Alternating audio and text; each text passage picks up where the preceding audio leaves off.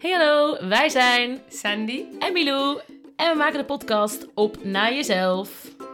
En we hebben het over thema's zoals jezelf zijn, Vrouwelijkheid, leven met de seizoenen, trauma, kwetsbaarheid, seksualiteit, shamanisme, holisme, zelfliefde, opvoeden grenzen stellen. en je eigen zielsmissie gaan leven. Nou, wij zitten lekker aan de thee. Luister je gezellig met ons mee. Hey hallo, wat leuk dat je luistert. Daar zijn we weer, Sandy en Milou. En ik doe heel blij, maar ik heb helemaal geen blij onderwerp. Nee, Het is een heel serieus onderwerp. Oké. Een heel, misschien Ja. ook wel vast om te zeggen, een heel gevoelig thema waar we het Ja. over gaan hebben. Bereid je voor. Je kan hem nog uitdrukken. Oké, het gaat over kinderen, baby's krijgen, wel en niet zwanger willen worden, abortus plegen en alles rondom dit. En dit verhaal is echt super recent. En ik ga even mijn verhaal delen over. eh, nou, als kind riep ik eigenlijk altijd wel: Ik wil kinderen. Ik wil vier kinderen, heb ik altijd geroepen. En gaandeweg is dat veranderd. Merk, ik weet niet of ik nog echt kinderen wil. Ik heb eh, bijna tien jaar met jonge kinderen gewerkt. Ik zei dat alle soorten en maten gezien. Het tussen haakjes gezonde kind. getraumatiseerde kind kun je het ook wel noemen. Kinderen met een beperking. Van alles. En ik, ik kan echt wel goed een band daarmee opbouwen. En ik merk ook echt, ehm, de laatste gezin dat ik heb gewerkt, ehm, ja, die kon ik echt heel moeilijk loslaten. Ik dacht, dit zijn denk ik soort moedergevoelens die ik echt heb ontwikkeld. Dat ik dat zo vaak was, echt daar in huis. Ik, ja, ik werd gewoon gezien, eh, ik woon in Nijmegen, als moeder van alle kinderen die ik eh begeleide. En soms was ik ook meer thuis dan de moeders zelf. Ehm, en ging het kind ook eerder naar mij dan naar de moeder als het huilde. Dat is ook interessant. Dus ik heb denk ik wel een soort van, ik kan het nu natuurlijk niet echt vertellen of het echt zo is, maar moedergevoel gekend al wel.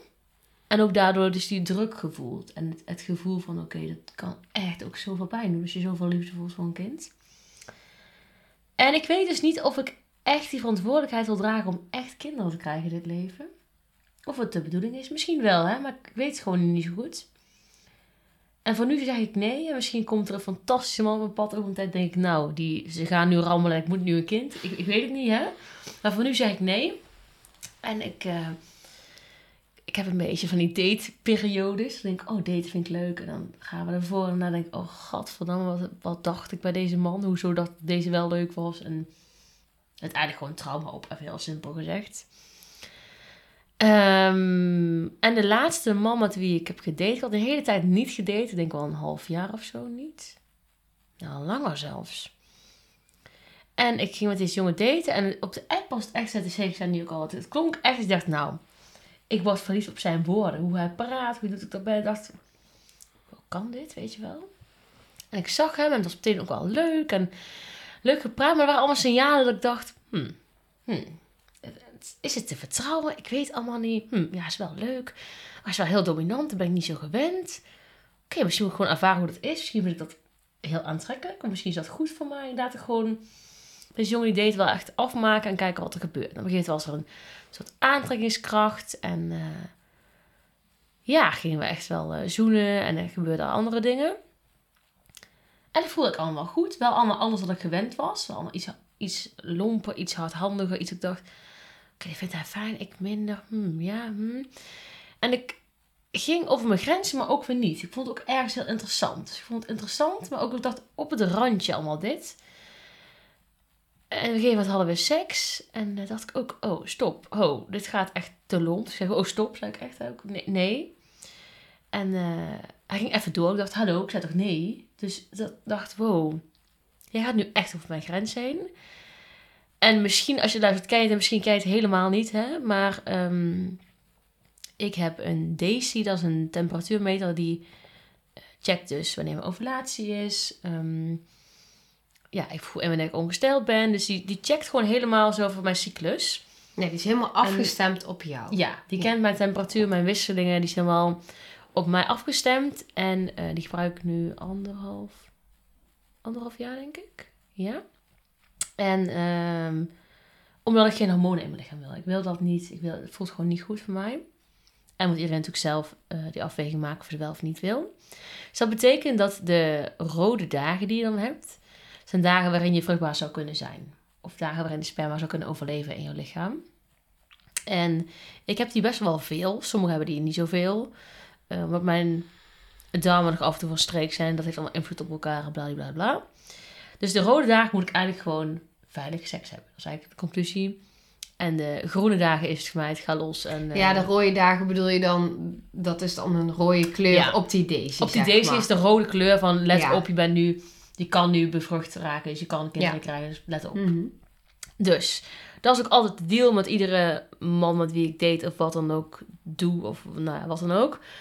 Ehm, op de rode dagen wordt er gewoon altijd condoom gebruikt. In principe altijd, weet ik wat langer ken. Want ik wil ook geen zoals not zo dingen. Ehm, maar mannen, misschien herken je dit wel, hè, vinden dat een heel groot issue. Want dan voelen ze niks. En want dan dit en want dan dat. Je hebt inmiddels condomeries, honderdduizend winkels, honderdduizend soorten, maten, vormpjes, dingen. En nog steeds komt het gezegd wel altijd boven. Dat ik zeg, ja, met of niet. Ik wil gewoon niet zwanger worden. Nu niet. Misschien nooit niet, maar nu in ieder geval niet. En zeker niet van een one-night stand van iemand die ik pas net ken. Ehm, en hier ging die man ook over de grens. Hij wilde dat niet, het zat niet lekker. Hij- Op een deed hij gewoon van half af. Dat ik echt dacht, wat doet deze gast? Ik zei, nee, dat gaan we niet doen. Ja, dan gaan we wel... eh, Oké, het is echt best wel kwestie wat allemaal zeggen, maar ik ga het wel allemaal lekker zeggen. Ja, dan gaan we wel... ehm, ehm, ja, doen we wel het andere gat. Dan doen we wel eh, anaal.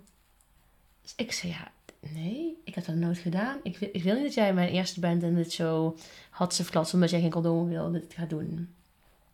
En toch een beetje proberen. Ik dacht, nee. Ik dacht, nee. Dus het was ergens, we hadden hele mooie gesprekken, ergens een hele fijne man. En het, het voelde ook ergens goed, maar ergens ook helemaal niet. Hij Nee, luisterde want- niet naar mijn grenzen. Ja, want toen jij net al begon met vertellen, ehm, toen zei je eigenlijk al meteen van, ja, hij had inderdaad hele mooie woorden, maar ergens voelde ik in ieder geval dat er iets in jou ook al ergens wist van, ik weet het niet zo goed. Nou, dat. Ja. Een beetje twijfel van, hm, opletten. Een beetje opletten, een beetje, wat, Ja. wat doet hij allemaal, wat gebeurt er allemaal? ja. En hij is dus een kort moment, zonder dat ik het zelf goed door had, dus in mij geweest eh, zonder een condoom. En ik had dus ongesteld moeten worden drie dagen geleden nu in mijn hoofd. Twee dagen, geleden- drie dagen geleden, ja.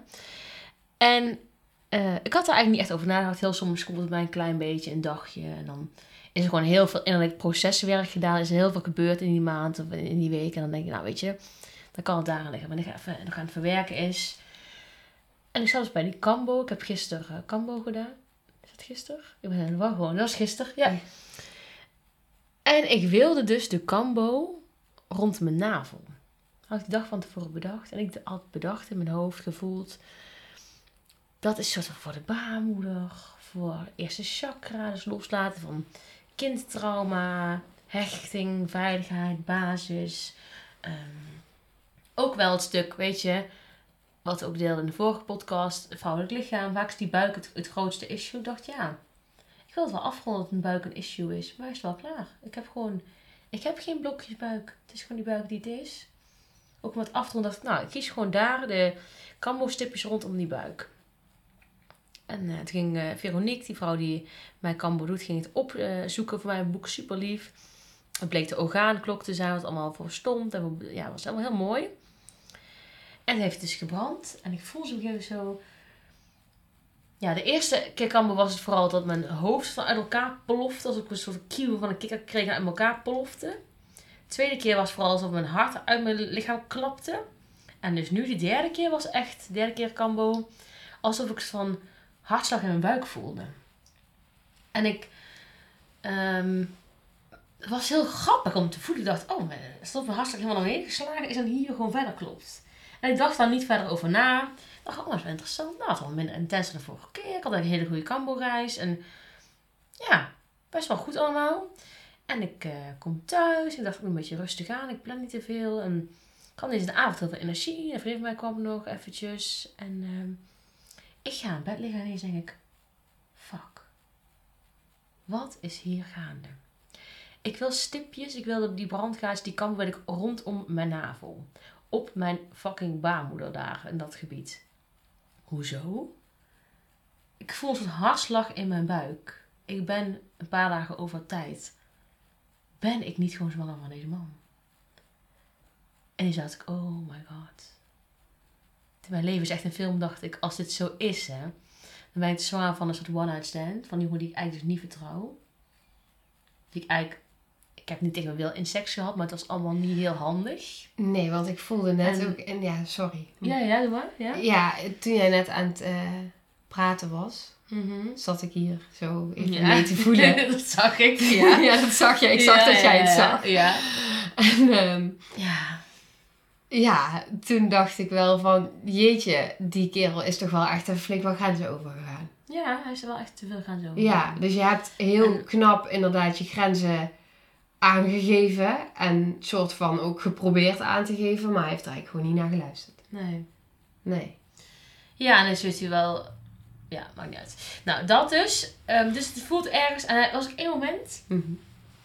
dat ik van hem schrok. Dat ik zo wegdeed. Ze zei, ben je bang? Ik zei, ja, ik ben echt bang. Dus je nu doet, dit, is echt, dit is echt eng, zei ik. Nou, Dus hij is, hij is echt over mijn grens gegaan. Ja. Maar ik zie het nu... Ik kan het wel zien als... Dit was een goddamn goede les. Ik wil gewoon niet zo'n onbetrouwbaar... Het was, het, was, het was echt een les op een of andere manier. Ik kan niet goed uitleggen hoe, maar... een les in Ehm, grenzen aangeven. Ik denk dat. Of Grenzen aangeven en dan toch bij mezelf blijven. En het voelt als een hele grote les.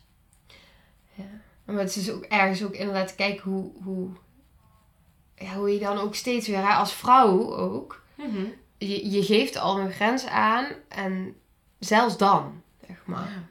Ja. Ja.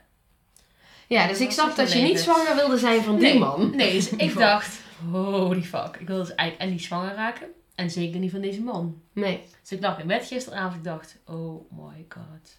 Oké, ik ga dingen opzoeken, dacht ik. Nee, dat maak jezelf gek. Niet doen. Ik deed het toch. Dus ik ging zoeken. nou, Hoeveel dagen kan je met een eh, zwangerschapstest halen? Bla bla bla. Nou, officieel zeggen ze na 14 dagen na je ovulatie is het een beetje betrouwbaar. Ik dacht, dan moet ik twee dagen wachten. Oké. Toen ging ik. Oh, mijn hoofd ging echt alle kanten op. Maar toen ging ik opzoeken. Oké, als ik het kind niet zou willen. Want dit, dit is geen goede situatie voor een kind. Die man was eigenlijk voor mijn gevoel eigenlijk niet te vertrouwen. Nee. Daar moet je geen kind van willen. Maar een kind dat in principe gezond is in mijn buik groeit, eh, doodmaken is ook wel heel heftig. Dus ik ging toch opzoeken abortus. Heb ik nooit gedaan. Dus was voor mij de eerste keer dat ik dat ging opzoeken. En als je dan tegenkomt, oh my god, fucking heftig. En dan lees je dus hoe zo'n procedure gaat. Als je snel bij kan, is het maar met drie pillen. En dan als je helemaal gewoon ja, emotionele rollercoaster hebt en helemaal aan de war bent. Moet je ook drie keer terugkomen, bla bla bla. En daarna, oh my god, ja. Daarna is het echt eruit zuigen. En als je dan echt er later achter komt, of echt, nou ja, op een of andere manier dat later achter bent. Na vijf maanden. Ja, vijf, vijf, ja, drie, vier, vijf maanden of zo. Maar dat mag eigenlijk, volgens mij. Nou, dan mag het nog wel, maar dan moet je ook extra tekenen en zo. Ik weet niet. Ja, ik weet het ook niet. Ik heb me er nooit in Maar dan verdiept. Is het echt, ja, oh, ledematen afhakken. Ja, oh, en dan, oh, echt. en dan eruit zuigen. Oh my god. Oh. Dus ik zat helemaal zo van misselijk in bed. Helemaal, oh, zo hard op. Oh, god, oh, wat erg. Oh, jezus, oh, oh, oh. Mm. En ik dacht alleen maar, Milou, hoe ben ik in deze situatie terechtgekomen? Hoe die fuck heb ik dus... Ik ken mijn grenzen eigenlijk heel goed. Heb ik mijn grenzen laten zollen, heb ik toch dit toegelaten? En wat nu als ik dus echt zwanger ben met deze gast? Hoe onveilig. Want ik wil niet dat hij in de buurt komt van mijn kind. Als ik het kind zou houden. Maar je kan ook niet je kind het trauma aan dat, dat, dat je gaat liegen dat je geen vader hebt. Als je het niet mag zien, dat kan je het ook niet doen. Want het is geen topcrimineel. Tenminste, niet zover ik weet. Dus eh, toen dacht ik, nee, nee, nee, wacht, ho. Oké, het is nog niet zo ver, Milou. Je weet nog niet of je zwanger bent. Misschien ben je niet zwanger. Maar gewoon die gedachte dat het allemaal, ja, dat abortus op deze manier gaat. Dat je ook, je, je wil gewoon een happy family zijn als je een kind krijgt. Je wil gewoon Ja. dat het gewoon liefdevol is geboren. Ja. En ja, aangezien we natuurlijk heel veel van trauma weten, is het niet handig als dit kind geboren zou worden eigenlijk. Nee, en het is natuurlijk sowieso, het is altijd natuurlijk zonder oordeel op het moment dat je zelf in een situatie hebt gezeten dat je wel de keuze hebt moeten maken voor een abortus. En Ja. misschien ook verder in de zwangerschap, omdat er complicaties waren of weet je Ja, welke heftigheid er kan zijn. Maar het is natuurlijk ook wel, daarom vind ik het zo mooi dat je dit deelt en zo dapper ook. Want dit is natuurlijk wat veel meer mensen wel eens hebben ervaren in hun leven. Van jeetje, hoe ben ik hier terechtgekomen en Ja. wat moet ik nu in godsnaam doen? Want ik Wat kan het niet goed doen. Ja, wat je- ik ook ja. doe, het doet pijn. Het doet echt pijn. Ja. Ja. En ik lag gisteren in bed. Ik dacht, oké Milo. Probeer jezelf niet gek te maken. Je hebt nog geen test gedaan. Misschien is er niks aan de hand. Probeer kalm te blijven. Nou, ik heb ieder uur van de klok gezien. Ik heb nauwelijks geslapen. En ik dacht alleen maar, oh mijn god, mijn god, mijn god. Waar ben ik in terecht gekomen? Nou, niet eens, ik heb niet eens officieel toestemming dat ik in het huis mag gaan wonen. Ik heb nog niet eens officieel te onderdak. Wat nu als ik echt zwanger ben? Hoe ga je dat je ouders vertellen? Hi jongens. Ik heb geen onderdak, ook geen partner. En het is niet zo'n handige man, denk ik. En ik ben toch zwanger. En wat had je Ik weet gedaan? nog niet. Weet je dat? Dat is misschien heel vroeg nu om te Ja. vragen. Ja, het ging alle kanten op vannacht. Ja. Maar uiteindelijk, ik zie mezelf nu niet als alleenstaande moeder met een kind. Ja. Ik, ik zie het niet voor me. Nee. Nee. En je eentje is echt pittig. Ja, maar het is, het is, dat is natuurlijk super pijnlijk. Hè? Het is echt of je het Ja. Dan de keuze maakt van oké, het babytje wat, wat bij mij is gekomen, het zieltje. ja, dat ook. Je weet, Wat, wat ga ik doen? Want, want het doet altijd pijn. Als je het Ja. kindje houdt, Ja, eh, en vooral inderdaad in deze situatie met zo'n man. Ja. Ehm, maar ook op het moment natuurlijk dat je ervoor kiest om het wel, eh, ja, ja, ja het, het was... Op een gegeven moment dacht ik, ben ik het hallucineren of ben ik met het kind aan het praten al? Want ik, ik kan dus Oh. echt met die kinderen kletsen en praten. En dat is soort van de gave die ik heb. Ik dacht, maar doe stop. Ik wil niet met het kind gaan praten nu. Want daar heb ik niet eens een kind. Dus ik mezelf ik wilde, stop, stop, stop, stop, stop, dacht ik. ja. En uiteindelijk ben ik in slaap gevallen vanmorgen. dacht ik, ja, het is wat het is. Ik ga een test kopen, dan weet ik het pas. Ik ga mezelf niet laten maken. En toen werd ik rond, weet ik wel, tien, wat was het, tien uur of zo, werd ik ongesteld. Toen dacht ik, ik ga gewoon dansen nu. Springen in die wc van yes, yes, yes. ja. Ik hoef, heb de keuze niet hoeven maken. Maar ik, ik stond er wel echt bij stil van hoeveel mensen de keuze wel moeten maken. Ja, nou dat. En hoe, hoe onmogelijk, en ik wil bijna zeggen onmenselijk het is om zo'n keuze, Ja, om te voelen dat je die keuze moet maken. echt tussen leven en dood. En dan- De grootste keuze uit je leven is dit gewoon. Ja, dit is, ja, absoluut. En dan is het Ja. natuurlijk, maak je die keuze voor jezelf? Of heb je misschien een partner die zegt, ik wil het kind niet. En eh, nou, weet je, met alle Ja. gevolgen van die. Ja, die verhalen las ik ook gisteren. was ook niet handig. Ging ik zo'n verhaal lezen van een meisje van... Internet, jongens, internet. Echt, Echt. kijk er niet naar. Een verhaal van een meisje. Wel, eh, ze was getrouwd met haar man en ze hadden twee kindjes. Ze was 22 of zo. Dat was heel jong. Twee kindjes. En ze was zwanger geraakt van de derde. Terwijl het kind van nog niet eens een jaar was. Ze zei, wij wilden twee jonge kindjes en hij wilde het niet. En zij wilde het wel. En hij zei, eh, het moet weg, anders dan is ons huwelijk voorbij. En ze liet het weghalen en ze was er kapot van. Maanden gehuild en zei, ons huwelijk schreef ze is nooit meer hetzelfde geworden. Hij begreep mijn pijn echt niet. Nee, en dat is natuurlijk wat, wat kies je op zo'n moment, hè? Wat Ja. kies je dan? Kies je eigenlijk voor je gevoel. Terwijl je onder druk wordt gezet. En Ja. terwijl je gevoel eigenlijk ook heel veel van je partner houdt, van die ander houdt. Ja.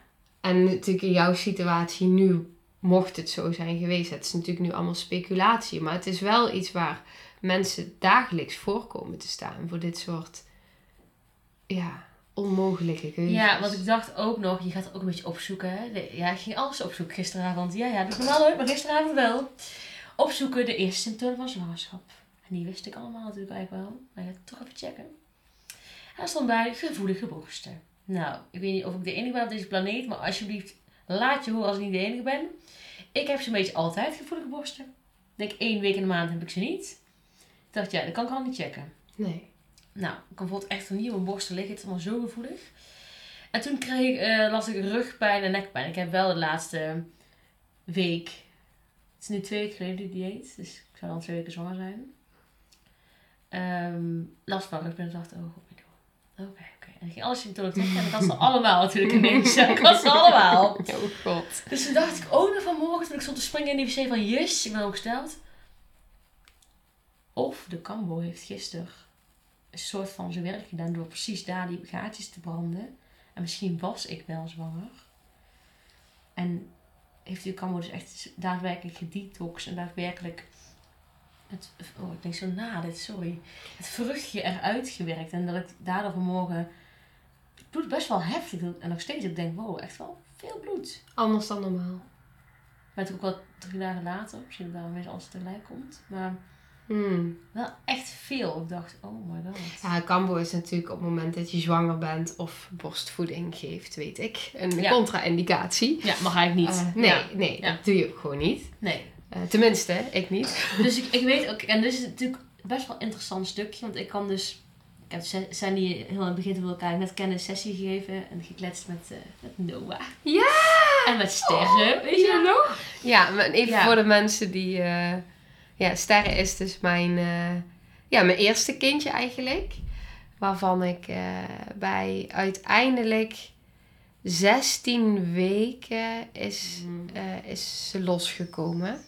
Maar ik wist eigenlijk bij acht weken al dat de hartje niet meer klopte. Dat het niet goed was, zeg maar. Ja. Dus het heeft nog een heel proces geduurd om het, ja, dat ze loskwam. En inderdaad, jij hebt toen, toen was ik dus vervolgens zwanger van mijn tweede kindje Noah. En eh, toen heb jij met ze geconnect. Ja, nee, ik kan dus, het is echt zo cool, maar ik kan dus echt die kinderen zien, zien springen en dansen en bewegen en met ze, met ze kletsen. Weet je wat? Wat willen zij? Wat, wat, ja, dat is super cool. Maar ik ben dus ook een beetje bang dat ik gewoon nu, misschien was ik wel echt zwanger. Dan ga ik binnenkort in dromen of visioenen ineens mijn eigen kindje tegenkomen. En ik ben nu net zwanger, of net zwanger. wow, oké. Net ongesteld vanmorgen. En ik in de middag op. Misschien is het gewoon bloeding. Misschien, ik kan nog in principe nog steeds zwanger zijn. Hè? Ja, het kan. Je weet het niet. Dus ik weet het niet. En dat is natuurlijk ook die onzekerheid die ook veel mensen hebben op zo'n moment. Ja, en ook als je wel zwanger wil worden. Hè? Van, hoe kan een bloeding? Is het kindje nog steeds in mij? Eh, wat is er aan de hand? Ja, maar ook inderdaad, ik weet dat toen ik zwanger wilde worden op een gegeven moment, heb je het dan ook over dat op het moment dat het kindje zich innestelt. Dat heb ik dus gevoeld. Hmm, ja.